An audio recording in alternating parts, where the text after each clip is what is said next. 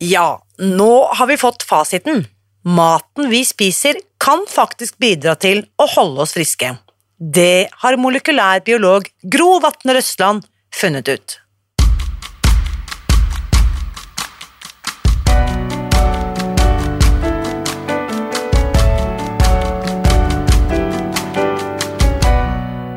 Mitt navn er Irina Lie. Jeg er journalist og forlegger, gründer og sosial entreprenør.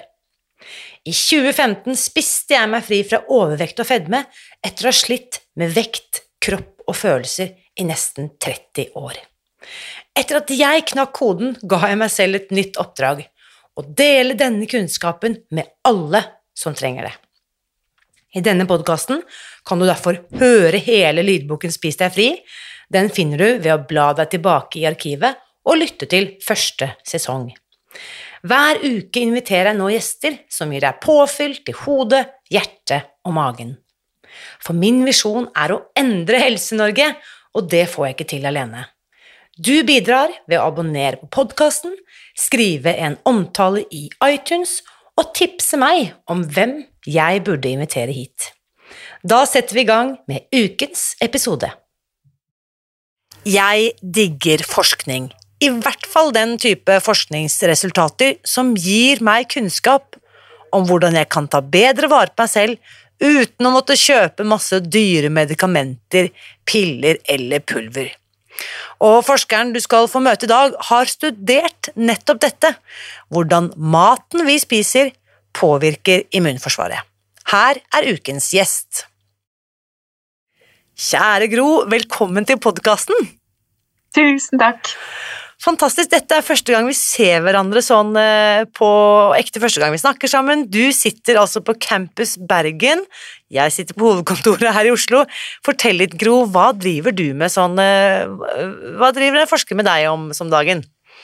Nei, nå eh, har jeg nettopp begynt i ny jobb her på Høgskolen på Vestlandet. Og har blitt kastet inn i Jeg måtte utvide komfortsonen min noen hakk, for å si det sånn, med mye undervisning og for jeg har, jeg har vært eh, forsker i veldig mange år før jeg begynte her eh, på Nå er jeg i en stilling som førsteamanuensis her på høyskolen. Så der er det kombinert med at jeg underviser og, og skal forske. Ja, fordi mm. og, og, det er jo det jeg digger. Altså, først når dere eh, Dere som er forskere, da, har brukt så mye tid på å finne ut viktige ting, så bruker du faktisk veldig mye av tiden din og dagen din på å undervise studenter og på en måte formidle kunnskapen din ut, og ikke minst stille opp i podkasten sånn som ja. dette og sånn. Det er supert. Fordi jeg tok jo kontakt med deg um, etter å ha lest en Etter å ha fått tips om en veldig kul uh, artikkel fra forskersonen.no. Den ble publisert i sommer. Mm. Uh, jeg kan jo da bare lese opp tittelen på artikkelen, uh, som vekket min interesse. Og spørsmålet da du stiller i denne artikkelen er kan vi holde styr på immunforsvaret gjennom hva vi spiser? Så vi kan jo begynne der, da. Ja eller nei? Gro, kan vi holde styr på ja, immunforsvaret? det, var, det, det, er jo ja. Jeg konkluderer jo med ja, sant? Men eh, det er jo fremdeles spørsmålstegn selvfølgelig til hvilken eh, Eh, hvor, hvor, mye kan vi styre med hva vi spiser, men vi kan helt klart påvirke immun, immunforsvaret og helsen vår generelt med, med, hva vi spiser. Fantastisk. Og dette skal vi dykke dypt ned i i, dette, i denne episoden. Først så må jeg mm. bare vite, ble nysgjerrig, Gro, fortell litt om bakgrunnen din og hvordan Du høres jo ut som du er fra Bergen, men fortell litt om hvordan havnet du inn på dette sporet her? Ja, det er riktig. Jeg er fra Bergen, så, og jeg har eh, jeg har eh, studert litt rundt i eh, Jeg har vært på Landbrukshøgskolen på Ås, faktisk. I begynnelsen så har jeg vært et år i Australia og studert. og så har jeg men så endte jeg opp i Bergen, hvor jeg tok eh, mastergraden min og har tatt doktorgraden min her på Universitetet i, i Bergen. Og, og, så har jeg vært på eh, noen opphold i, på Haukeland universitetssykehus og, og jobbet der. Eh, og jeg, da har jeg jobbet eh, først og fremst med kreftforsking eh, og biologisk eller eh, biomedisin innen in paraplyen biomedisin. Eh, så jeg er cellebiolog, og jeg har jobbet de senere årene som forsker så har jeg jobbet med å finne eh, hvordan metabolismen i kreftceller skiller seg fra metabolismen i, i, våre andre celler, for å kunne bruke det som angrepspunkt i, i, eh, i, i fremtidig eh, terapi. Kreftcelleterapi. Så, men i tillegg til det så er det en parallell interesse med, med, med mikrobioter, og da gjerne tarmfloraen, altså mikrobene som bor i, i tarmkanalen vår, og hvordan de påvirker helsen. Wow. Eh, så det er knyttet opp mot eh, sant, Det har vært litt sånn en blanding av hobby, så jeg har ikke fått forsket mye på, på tarmfloraen ennå, men nå i min nye stilling så åpner det seg dører som gjør at jeg kan få, få muligheter til å dypdykke litt i for, for å undersøke hypoteser som jeg har laget meg opp gjennom eh, de senere årene. Spennende. Men vi må bare stoppe litt ved kreft, eh, kreftcellene. Eh, du snakket om metabolismen inni kreftcellene.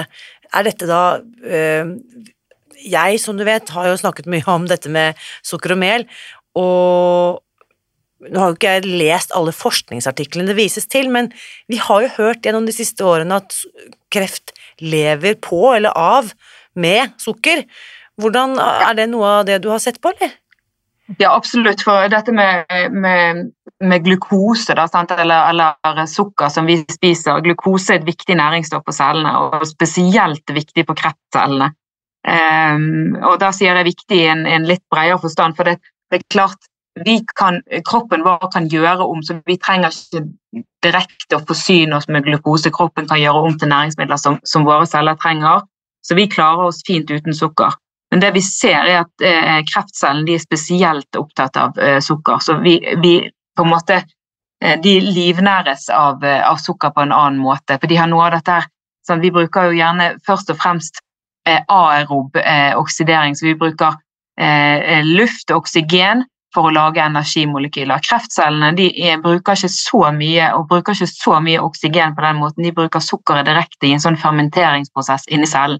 Eh, der, der, sukker dannes om til laktat, og så i løpet av den eh, nedbrytingen så blir det dannet energimolekyler. Den prosessen er faktisk ikke så effektiv som våre eh, normale celler har som bruker oksygen, men det dannes òg biomolekyler, sånn for det celledeling er selvfølgelig viktig i kreft, sånn, så de vil, de vil, jo bli flere og flere. Så, så det som er vist, er at eh, sukkermolekylene blir brukt av kreftcellen. Så det er jo det er mye forskning som går på dette for å prøve å, å eh, hvordan kan vi på en måte sulte kreftcellene. Eh, og det, det, det, høres jo enkelt ut, man kanskje man kan bare slutte å spise sukker, men så enkelt er det dessverre ikke. Men det er helt klart eh, eh, glukose er, er, veldig viktig for kreftcellen. Så hvis vi kan eh, påvirke det på noen måte, og det var litt det jeg forsket på før jeg, eh, før jeg byttet om til, til høyskolen, hva, og, og hvordan vi kan presse de til å ikke kunne eh, bruke sukkeret på den måten, så, så er det eh, faktisk eh, Kan det være kreftterapi. Ja. Så, det, så, du har helt rett.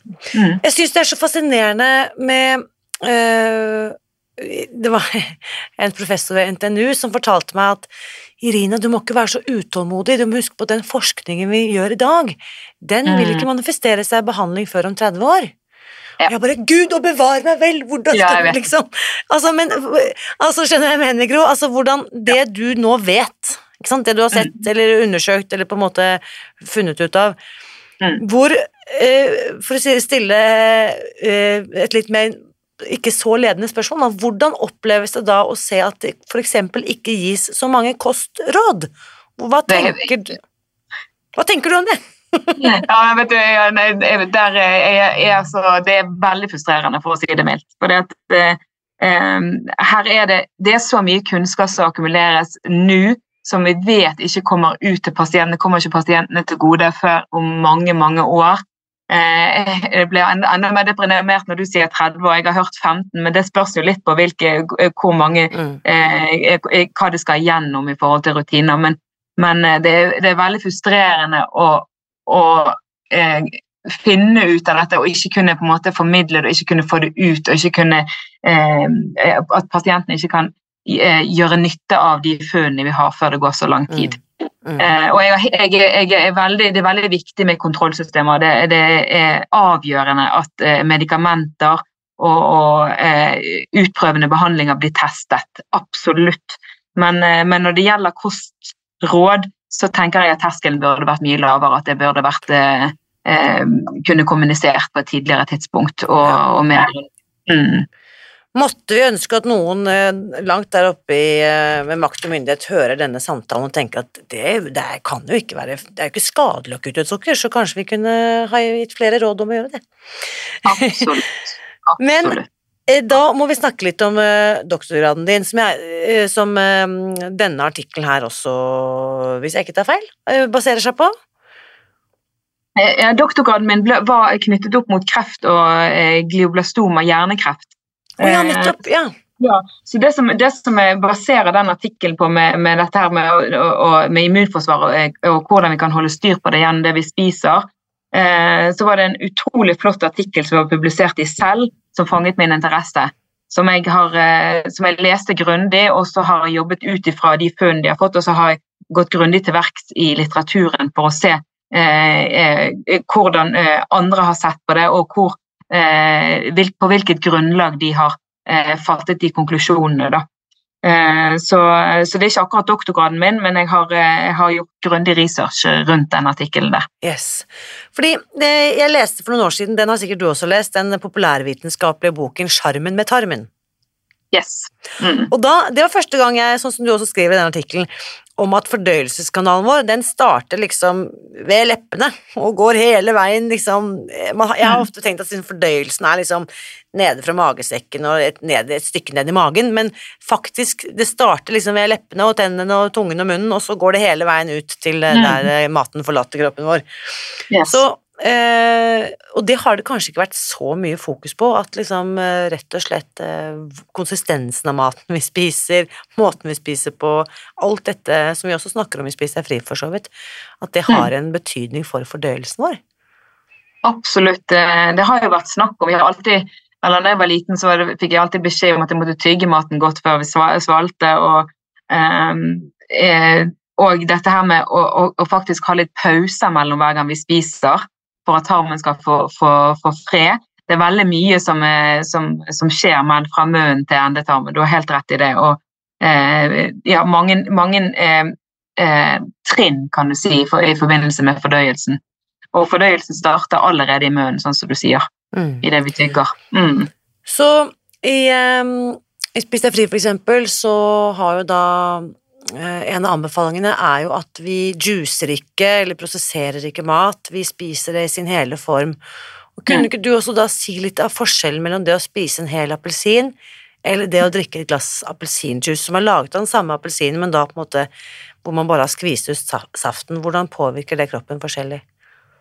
Nei, altså for, det, for, En av delene er jo rett og slett den mengden. Sant? At du får en opplevelse av å spise det, at du fysisk må tygge. Så Det viser jo seg nå at kjevemuskulaturen til barn er jo mye dårligere nå enn den noen gang har vært. For mm. Det er så mye av, av, maten som er prosessert og most, at vi rett og slett ikke får eh, den kjevemuskulaturen bygget opp på en god måte fra, fra tidlig alder.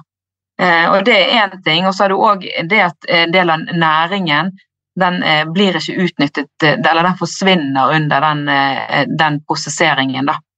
Eh, så, så, og, og, så er det òg det at eh, ja, altså eh, Det blir jo mye mer konsentrert òg, alt, alt, sammen. Sant? Av, av frukt, fruktsukker og alt mulig. Så det er jo, og Hvis du skal eh, skvise en appelsin, det, er jo knapt nok en munnfull versus å spise en hel appelsin. Så det er litt det rundt måltidet òg. Så, så, man får en, en følelse av å ha, å ha, spist det, og man jobber mer med, med, prosessen med å ta en hel appelsin enn å bare skvise ut av den. Eh, eh, ja.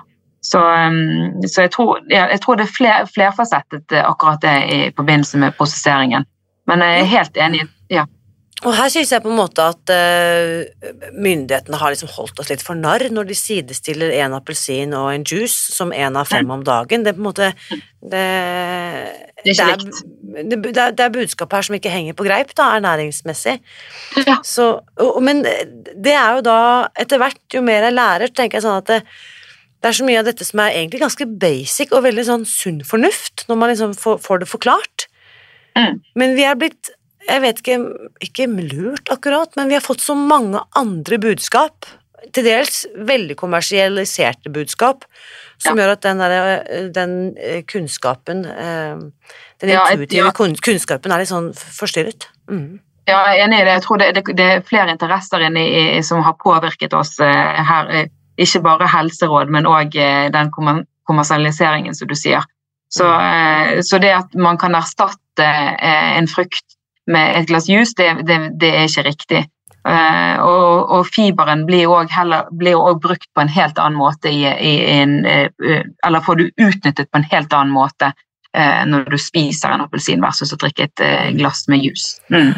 Her da faktisk, For ordens skyld så må vi legge til at fem om dagen er jo faktisk ikke helsemyndighetene sine råd, det er jo faktisk bransjen. Dette er Mm. Opplysningskontoret for frukt og grønt, som jo er Mm. eid av frukt- og grønthandlere eller importører. Så det er jo ikke Mm. faktisk Det, det høres veldig offisiøst ut, men det er, eh, det er jo faktisk kommersielle interesser som pusher pusher på oss eh, frukt og spesielt ja. Ja, kanskje uten å nevne navn, men ja. Mm. Så er det jo da dette med eh, Vi må dykke liksom ned i tarmtottene, tarmfloraen. Hva skjer nedi her? Hva er, det, hva er det som kan være greit å vite, Gro? Nei, altså Det som er viktig, sant, som er, viser seg igjen, det er veldig komplekst. Har, det er, det, og man vet fremdeles veldig lite. Så jeg skal ikke være påståelig på mye her, utenom den, det ene som er på en måte nøkkelen til alt, og det er diversitet. Diversiteten i tarmflora er utrolig viktig. Eh, og diversiteten, den synker rett og slett. Og det er Eh, nå var, jeg ble jeg kontaktet av eh, BIFF, som Bergen internasjonale Filmfestival, her i sommer, for de skulle vise en film som het The Invisible Extinction. Har du sett den? Nei, ikke det, men jeg noterer meg med en gang. The Invisible Extinction. Extinction. Ja, ja og den, du, bare den overskriften der er veldig beskrivende på hva filmen eh, handler om. Sant? Den usynlige utryddelsen. Og da viser det seg at eh, dette er en film som er laget av eh, eh, amerikanske filmskapere. Så har de filmet to, eh, to eh, forskere eh, som er veldig dedikert til eh, tarmfloraen. Og det, det, som de, det som det ender med, da, uten å gi vekk for mye i den filmen, men det eh, sånn som vi har et frølager oppe i Svalbard.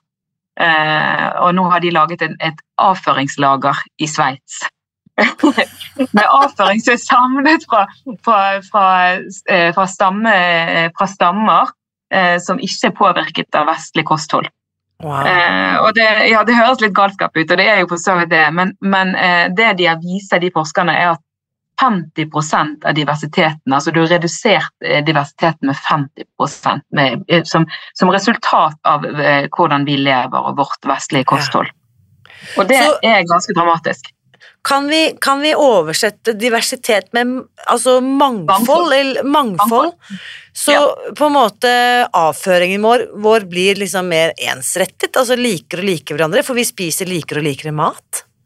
Ja, altså vi, får, vi klarer ikke Vi har jo eh, avføringen vår, det, vi har, der har vi jo utrolig mange eh, mikrober. Så det er rett og slett mangfoldet av disse mikrobene som er redusert med 50% Og det er resultatet av at vi spiser Altså vi nærer for få av disse bakteriestammene med det vi spiser. Mm. Jeg, jeg, du nevnte jo fem om dagen, men jeg hørte noen som sa at fremfor fem om dagen burde du tenke 30 i uken. Mm. Altså 30 forskjellige frukt- og grøntvarianter i løpet av en uke. Da begynner du å Da har du noe å skryte av. Ja, ja det, det høres ut som en eh, grei tommelfingerregel, altså. Den har ikke jeg hørt, men, og antall skal ikke jeg eh, uttale meg om, men, men det, det å spise ulike frukttyper, ulike grønnsaker, og gjerne òg jeg, jeg, jeg tror at det er viktig at det òg er usprøytet, men det er jo et gode som ikke alle får rundt, og, og sånn er det dessverre. Men, men det å, å variere eh, eh, grønnsakene og frukten tror jeg er veldig veldig viktig for Ja. å kunne nære med ulike typer fiber som opprettholder dette eh, mangfoldet på en, på en unik måte. Mm. Og så disse eh, mikrobene, da, som vi nå Disse som blir usynlig utryddet. Mm. Er, de, er de gone, eller er de andre steder i naturen? Kan vi putte dem inn i kroppen vår igjen? Ja, det er veldig spennende. og Det er faktisk noen som tror at det faktisk ikke, at man ikke Selv om man ikke klarer å detektere, for man tar jo prøver gjerne avføring da, for, å, for å danne et bilde av hvilke eh, bakterier og mikrober som er, er til stede. Og hvis det er veldig få av de, så kan det være vanskelig å, å finne de òg. Så det, det, er noen som tror at de faktisk eh, ligger på en måte eh, i, i, tarmen, men at ikke de får gjort sin nytte fordi de ikke blir næret. Og så er det òg eh, klart at man kan få i seg med fermentert mat, med dette med at, eh, at barn f.eks. leker i jorden. Det, vi, er, vi, er, jo veldig redd og hysteriske overfor at vi skal få i oss eh, de feile eh, bakteriene. Så vi, vi, skjermer jo ofte eh, barna for, eh, for jord. Og, mens egentlig så skal vi få i oss litt jord. Vi skal få i oss eh, litt sånn altså uvasket frukt. For, og, og det, men det er klart, Eh, for å få det fra munnen og ned til tarmen, der, der de gjør arbeidet sitt. Eh, så, så, skal de gjennom eh, noen ganske voldsomme miljø. sånn som I magesekken sant, er det surt og en pH ned i 1,5, som er veldig veldig sur. Så å få de gjennom der, det, det, er ting som jobbes kontinuerlig med. Det lages sånne eh, eh, tabletter, det, og det lages kapsuler som de vil skal løse seg opp eh, når det kommer forbi. Det, men, men, det som man vet, det er at eh, sant, spiser man eh, yoghurt, så kan, får man de bakteriene fra yoghurten eh, ned i tarmen også. Så noen vil tåle den transporten, noen vil ikke det. Eh, men det er helt klart at vi kan, vi kan få i oss Vi kan øke mangfoldet med det vi spiser, selv om vi allerede har redusert det. Mm. Så Eh, du, du, er inne på mange ting i den artikkelen, men du, du, skriver også om dette her at eh, i forhold til eh, dette med immunforsvar, da, ikke sant. Mm. Økt risiko for allergi, astma og andre betennelsesrelaterte sykdommer er koblet mm. til bl.a. mangelen av tarmbakterien bifidobacteria. Mm. Uttalte jeg det riktig? Bifidobakteria? Ja, bifidobakteria er sikkert mange måter å uttale det på. bifidobakteria, så denne øh, Hvor finner vi den? Hvor kan man få tak i den? Hvor får man kjøpt bifidobakterien? Nei, det, det, går jo faktisk an å, å, å kjøpe det òg, det er klart. Men, eh, men, denne får man jo gjennom eh, morsmelk. Ja. og, den, ja, og, og i, under fødselen. Og så er det bare det å ta vare på den, da. Eh, med f.eks. Med, med amming. Eh, og så er det Det fins ulike typer eh, fiber. Jeg har ikke de helt i, i, forrest i panen i hvilken, eh, hvilke, hvordan man skal ta vare på de. Eh, men det går an å kjøpe eh, og altså Man kan få tak i probiotika som kan, kan nære den, og ja. Det, men det er helst at man får den eh, ved fødsel og ved amming, og så må, må den på en måte da mates. Ja. Jeg er jo mm. født på 70-tallet, og da var det uh, populært å råde mødre til å droppe ammingen og heller gå for Nestlé-produkter. Uh, det har jo vært mm. sånne ulike mm. faser. Så det betyr at det kan være generasjoner av barn som ikke har fått denne overføringen av bakteriene, da. Ja, altså man får jo litt òg med selve fødselen, og, og, og, og, så er det jo så i, i morsmelkerstatning så tilsetter det Jeg vet ikke helt sikkert hva de tilsetter i det, eh, men eh, eh det er f.eks. Eh, oligosakarider som, som, tilsettes i morsmelkerstatning, så det, det finnes nok alternativer, men det å erstatte hele eh, eh morsmelken, det ser jeg på som eh, ganske vanskelig, ganske mm. utfordrende. Så, så, så, det med å droppe ammingen, som er på en måte Det, det tror jeg er en, en bjørnetjeneste, ja. Eh, men det betyr ikke nødvendigvis at, eh, at, vi har vært uten de som ikke har vært ammet. Eh, men, men man øker i alle fall sjansene for at den er til stede, og at den næres ved amming.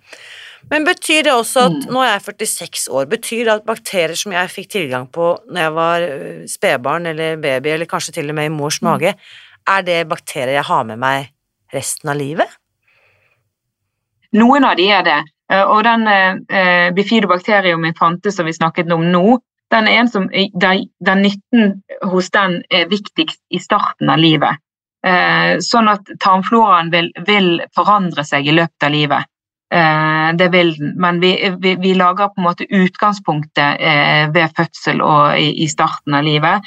Og så er det noen av eh, bakteriestammene som forblir resten av livet, og så tilføres det andre underveis når vi begynner å, til, å spise fast føde og, og kan påvirke det på andre måter. Mm. Og, så, er det jo at det her, du skriver videre om hvordan på en måte tarmens mikroflora, det betyr vel hva slags forskjellige stammer av bakterier som er til stede, eh, at den eh, utvikler seg selvfølgelig gjennom eh, hele eh, livet, og at mm. så har du da disse immuncellene. Går det mm. an å forklare på en enkel måte hvordan tarmbakteriene og tarmfloraen henger sammen med immunsystemet? Ja, det vet jeg ikke om jeg klarer å gjøre enkelt, men, men, for det er jo ganske komplisert. Men, men, det er klart, det som er med disse bakteriene, og grunnen til at vi vil ha dem, det er jo det at de syntetiserer, sånn at de lager, de gjør om eh, f.eks. fiber, det som de kan næres av, gjør de om til, til viktige stoffer for, eh, for, våre celler, inkludert immuncellene våre. Så de, de, er med på, og de er med på å syntetisere eller å lage vitaminer og, eh, og, og lage sånne kortsyrete fettsyrer som, som eh, våre celler er helt avhengig av. Eh, og, og, da inkluderer jeg immuncellene. Og så er de også, I tillegg til det så er jo de mikrober òg. På den måten så eh, eh, Immuncellene er jo laget for å kjenne igjen eh, strukturer utenpå på mikrober for å utdanne seg på den måten. Så altså vi har et, eh, En del av det, det, spesifikke immunsystemet vårt det er det som på en måte utdannes gjennom hele livet, som blir utdannet altså når vi blir eksponert for ulike eh, sånne sykdomsfremkallende mikrober. Så blir det utdannet, og så eh, lages og bygges det opp.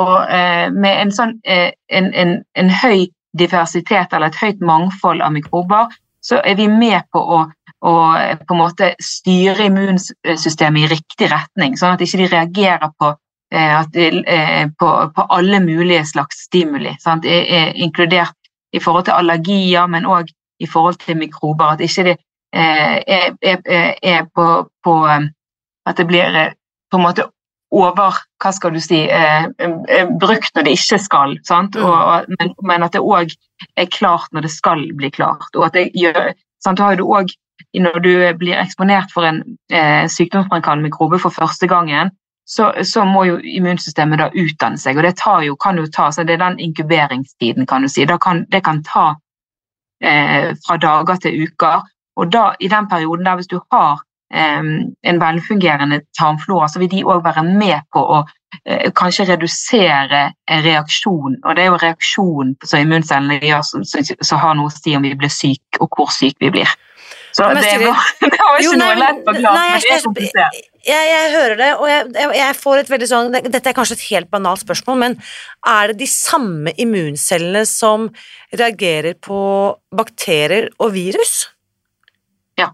Vi har bare ett sett med immunceller.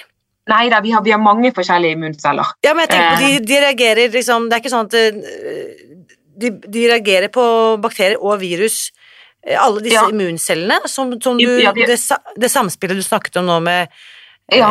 Ja.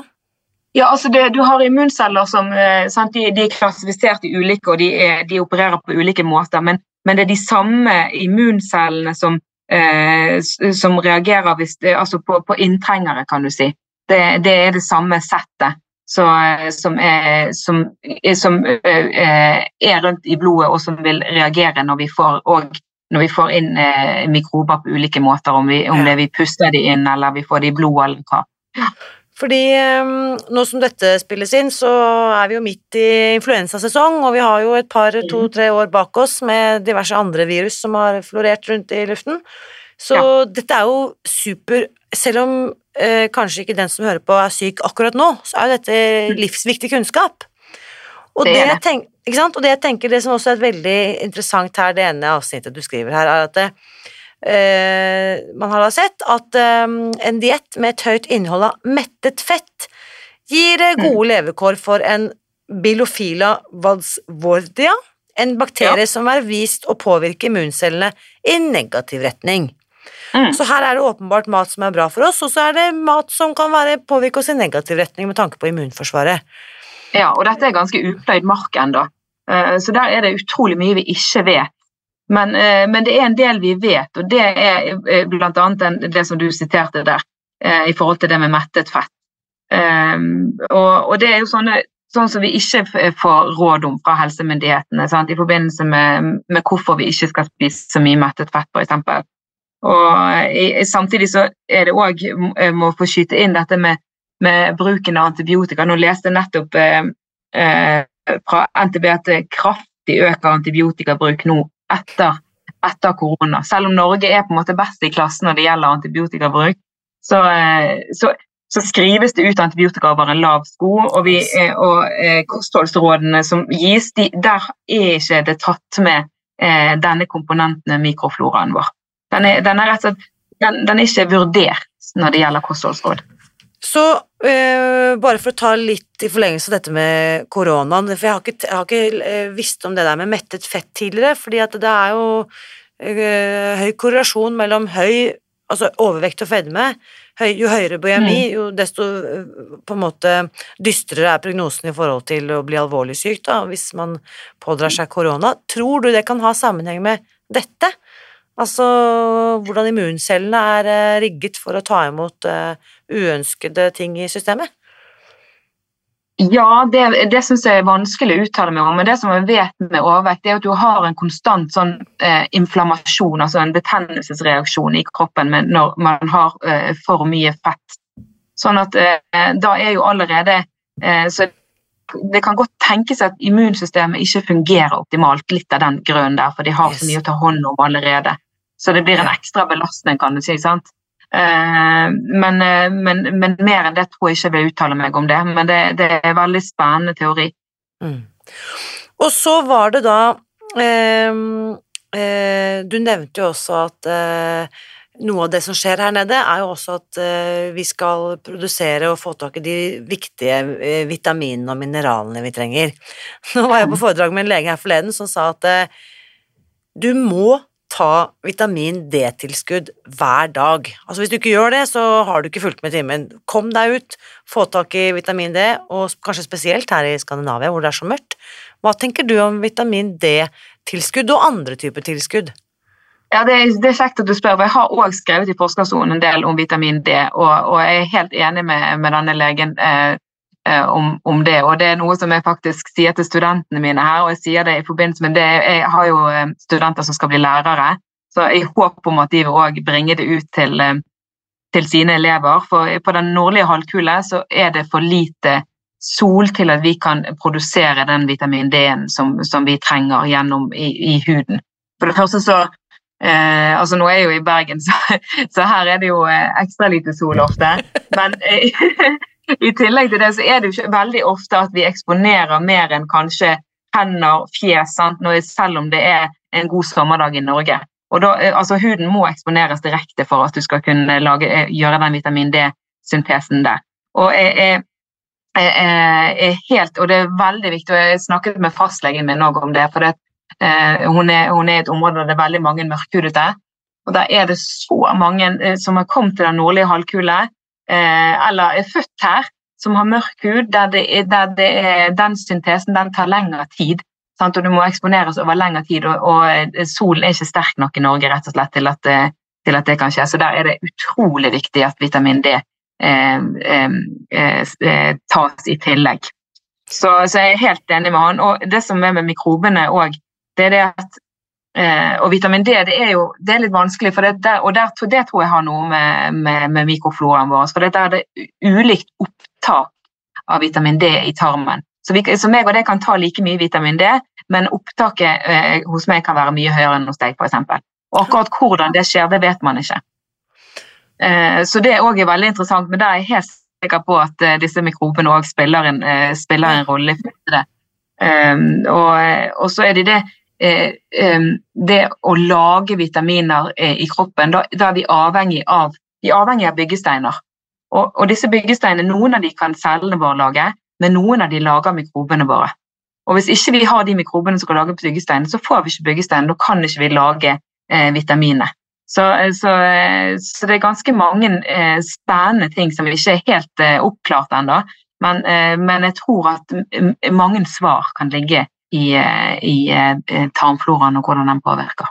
Så jeg må bare grave litt mer rundt det der vitamin D, for jeg syns det er så spennende også å se eh, Ok, mange da kan være enige om at kjør på med vitamin D, men så er det så ekstremt store sprik i hva som er anbefalt mengde.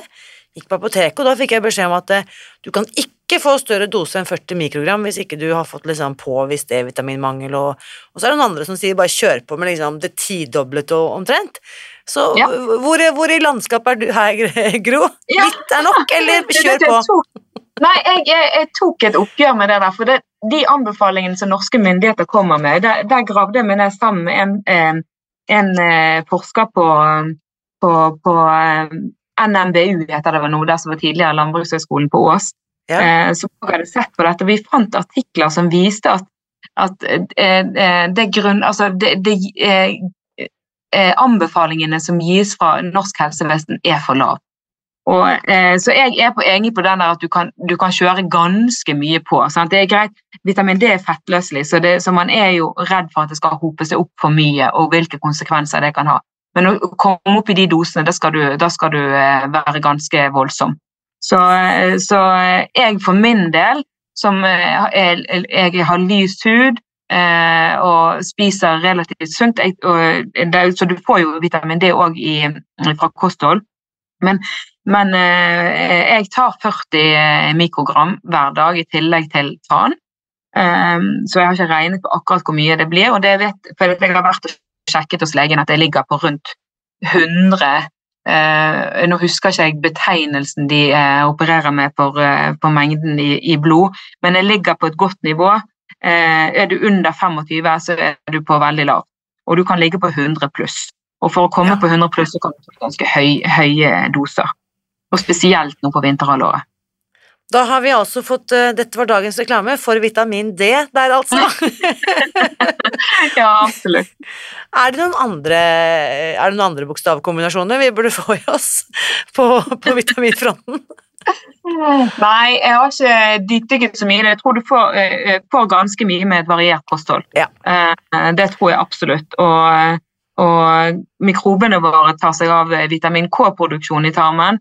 Uh, så, og, men jeg, jeg, tenker at tran vil jeg alltid tenke positivt. En, eller og, og omega-3. Eh, så, så, eh, jeg vil ikke komme med noen andre anbefalinger der det er vitamin D jeg har dypdykket litt i. Men det som jeg, jeg, tenker er veldig viktig for å ta vare på mikrobene våre, det er å spise fiberrikt. Ja, fiber la dag. Ja, fiber hver dag. Hva er fiberrik mat? La oss ta, det, ta den. Ja, altså eh, frukt og grønt vil være, være fiberrikt. Og mange typer frø og nøtter er rikt på fiber. Du må gjerne skyte inn hvis du kommer på noe, så, men vi, det er gryn av ulike slag. Ja. Jeg har en liste et sted her òg som jeg bruker til anbefaling. Jo, jeg, jeg, jeg holder på nesten å si alt det vi forbinder med sunt. Ja, egentlig. altså, hvis du liksom tenker at det er sånn sunn mat, da er det sannsynligvis fi, høyt uh, fiberinnhold òg? Ja, ja. Det, vi kan egentlig, kan egentlig, oppsummere det sånn. Mm. Mm. Så spise fiber hver dag, og vi har regnet ut ikke sant, i Spis deg fri, de som følger metoden, vi spiser jo gitte mengder eh, ja. hver dag. Også, ja. har, mange av oss bikker altså én kilo frukt og grønt hver dag. Er det sant? Ja, ja. så flott. Eh, og jeg har lest et eller annet sted at helsemyndighetene anbefaler 800 gram eh, frukt og grønt hver dag, men det er det så å si ingen som kommer opp i, da, bortsett fra da, hvis du faktisk følger Spiser, spisefri. Ja, ikke sant. Så jeg føler at uh, akkurat på den derre fiber, der kan vi sette check to streker under svaret. Absolutt, ja. Og hvorfor er fiber så viktig? Det, igjen tilbake til dette med tarmen. Ja, for dette, eh, eh, Fiber er jo ikke noe som våre celler direkte kan, eh, kan nære seg av. Så her er vi avhengig av mikrobene for at de skal eh, gjøre om fiberen til, eh, til viktige eh, næringsstoff. da det, koker det ofte ned til sånne kortsyrete fett, fettsyrer. Kortskjedete fettsyrer. Så, og, og det, det, er mikrobene som, som kan nytte seg av, av denne fiberen. Og ulike typer fiber kan, eh, kan nære ulike typer mikrober. Så jeg holder faktisk på, og det, det, det fins jo konkrete eh, eh, faktisk Du kan liksom komme opp på nivå av at en, type frukt har en type fiber som er viktig for én type mikrobe. Så, så, jeg holder på faktisk å lage et sånn Excel-ark over dette her for å få en oversikt, for å kunne lettere gi, eh, gi råd i forhold til det når man, når man, har fått For man kan jo få en profil. Man kan ta en avføringsprøve og få en profil av hvilke eh, mikrober man har, hvor man har for mye, hvor man har for lite. Og så har jeg lyst til å kunne rådgi eh, hvordan, eh, hvordan man kan få opp de ulike typene. Så det er såpass spesifikt. så Det er veldig kult. Det er jo fantastisk, men det betyr at for å kunne vite hva jeg For å få påvist mine mangler, så må jeg eventuelt da ta en avføringsprøve, og så finne ut hva som der ikke er nok av, og så ja. kunne jeg da sett Spis dragefrukt. Ja. Ja, ja, ja sånne, sånn ting som det. Men også er det òg Det er ikke sikkert det nødvendigvis er så, så lett, for man skal òg Det er litt sånn eh, eh, selv om man spiser og får i seg den mikroben man mangler, så er det ikke sikkert at levevilkårene for den er gode nok i tarmen. Sant? Og det, ja, så, så, der må vi på en måte sørge for det. og da, det, er ikke sikkert, det er ikke sikkert man kan gjøre gjennom kosthold, men, men så det, går det jo an å gjøre også sånn avføringstransplantasjon som man kan få fra avføring fra en, en eh, kaller de det faktisk for superdonor. Eh, og så kan man, eh, Hvis man plages av noe, sant, så kan man få en sånn eh, transplantasjon, og så kan man eh, eh vedlikeholde i etterkant at man har fått en transplantasjon. Det, uh, dette her sto nest på min liste. Um, ikke sant? Mm. Um, ha en bæsjedonor, eller en fekaltransplantasjon, heter det vel på, på pent. At du mm. rett og slett tar da innholdet i tarmen fra én person og fører opp, sprøyter opp inn i endetarmen til en annen. Yep. Um, høres jo helt uh, sånn science fiction ut. Men, mm. men uh, jeg kjenner faktisk flere som har gjort det, og med vekslende resultat, da. Med vekslende resultat, ja. Um, men ja, ja hva, hva, hva, hva, tenker du Dette er jo ikke noe som er tilbys i det hele tatt av det offentlige, eller er det bare kun private aktører? Det er en del private aktører, bl.a. Volvat i Oslo gjør det. Jeg vet ikke om de har startet opp igjen nå, de hadde stengt ned under korona. vet jeg, men men det som er kult, og det er, er som et veldig godt eksempel på og Det er riktig som du sier med varierende resultat, for, for, det er en del ting som skal klaffe for at det skal virke.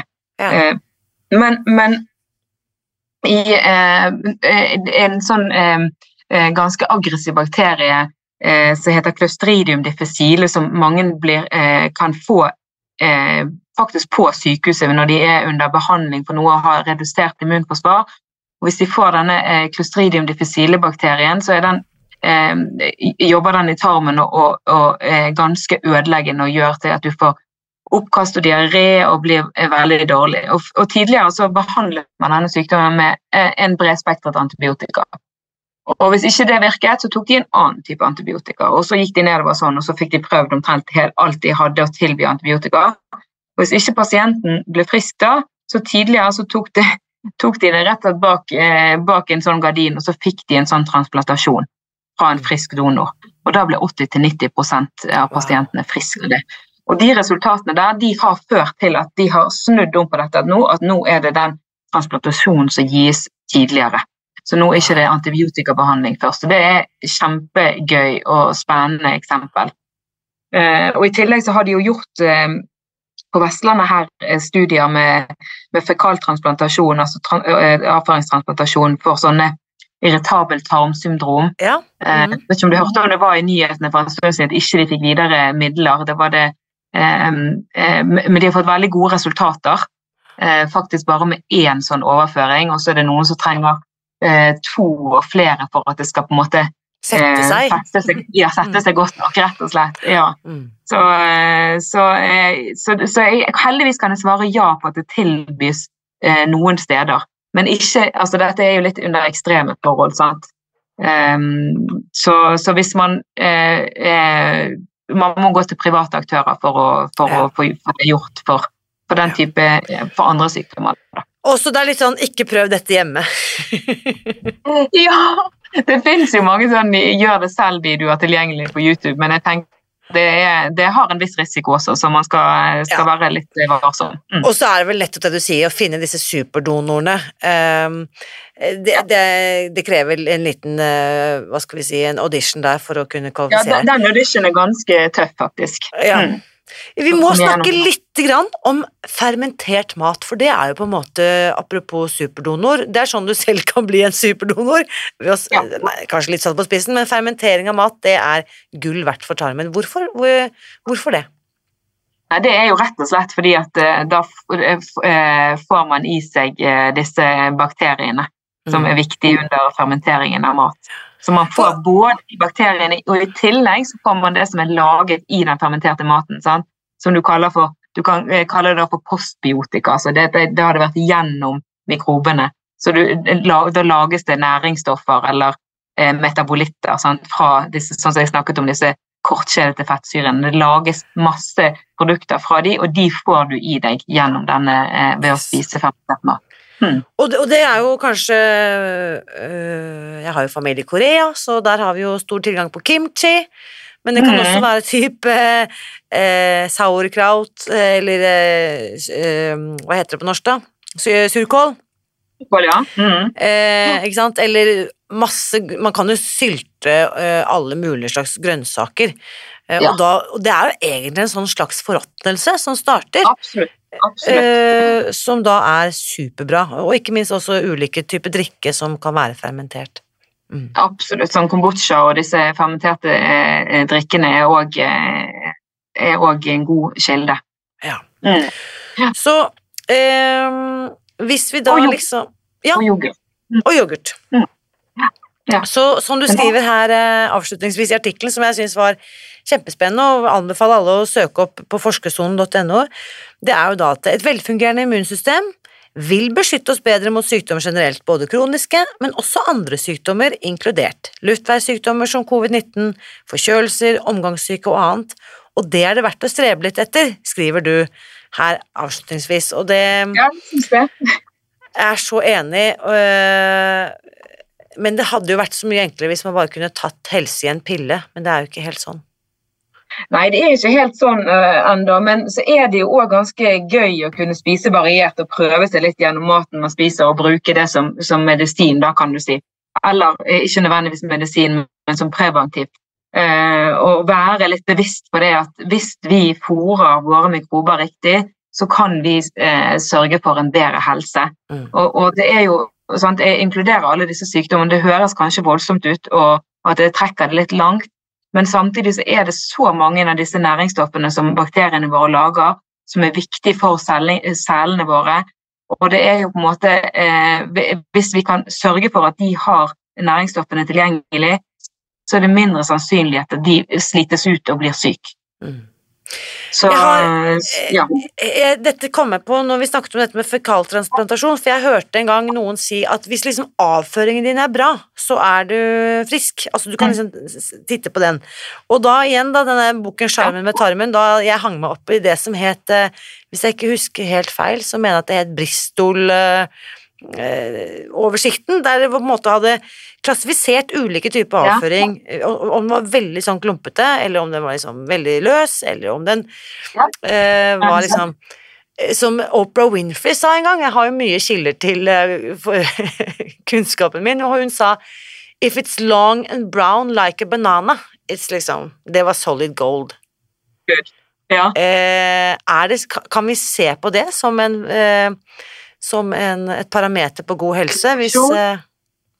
Ja, det er spennende. Det er, altså, det er jo helt klart sånn at eh, eh, eh altså, diaré og den type Hvis det er er veldig vanlig avføring og, og, og, og, veldig fast avføring, vil jo være eh, på en måte ofte knyttet mot noen plager. Eh, og, kan være da indikasjoner på at ikke er alt som det skal. Det blir brukt som en indikator mer enn, mer enn kanskje å, å, å, si noe helt sikkert i både konsistens. Eh, men, men, hvis man har på en måte regelmessig avføring og, og, og den, sånn som du sier, som en banan, eh, og ikke, ikke verken på løst eller på hardt, så tenker jeg det er en god indikasjon. Eh, men, men, jeg tror ikke vi kan, kan ikke liksom stole helt på det. da. Nei, altså For de som nå ble nysgjerrig, Bristol-skalaen heter det. Så hvis dere søker, så Ja. kan dere finne både bilder av Bristol-skalaen og veldig, veldig tydelige, eh, lettleste forklaringer på Wikipedia om Ja. eh, dette som da fra type 1, som da er separate hareklumper, til type 7, vannaktig uten biter, fullt flytende. Så her Ja. har vi skalaen. Ja, og der vil eh, du fra- helst være i midten, sant? der- vil du helst være i midten, som en pølse Mm. eller slange, jevn og myk. Nettopp, nettopp. Jeg må alle gå hjem og sjekke det. Du, dette er fantastisk. Jeg må bare si, Gro, på vegne av vanvittig mange, takk for den viktige jobben du gjør, og at du er så begeistret for å dele kunnskapen din med oss, for det gjør at vi vanlige folk kan skjønne litt mer om alt det som foregår på innsiden.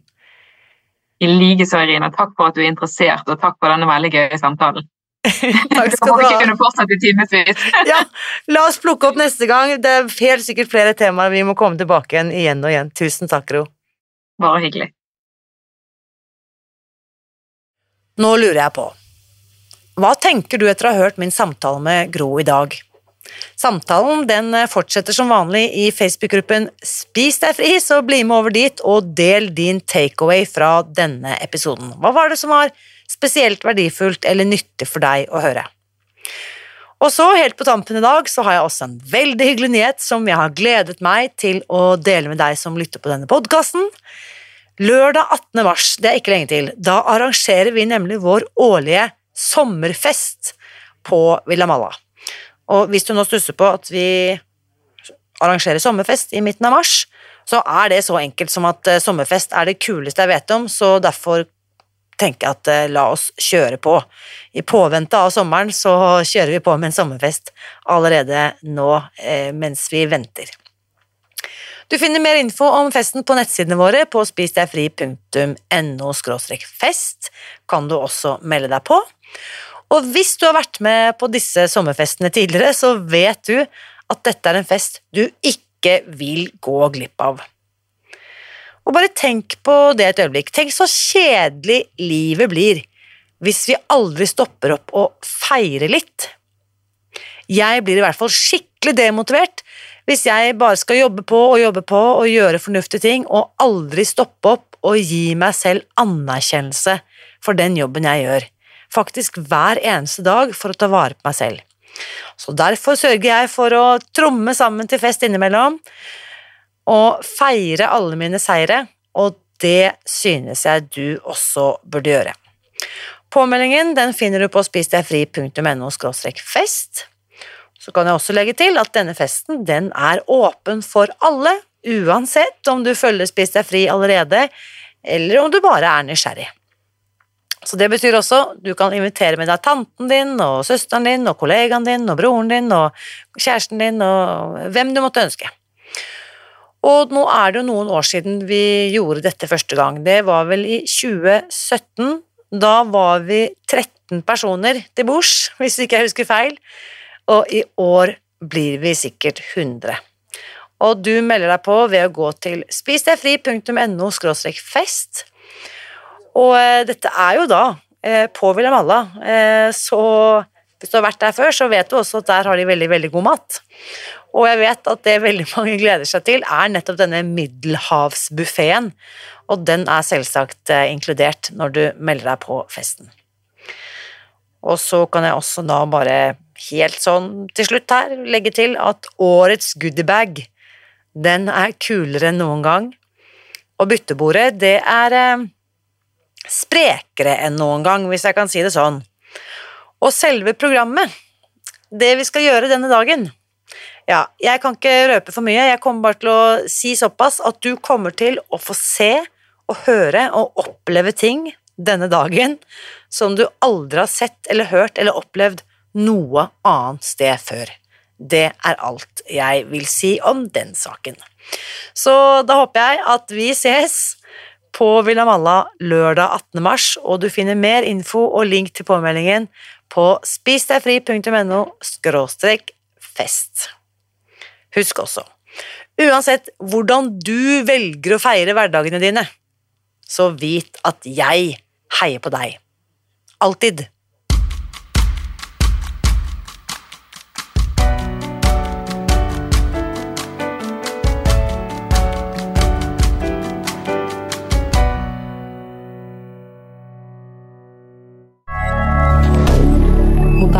Twitter.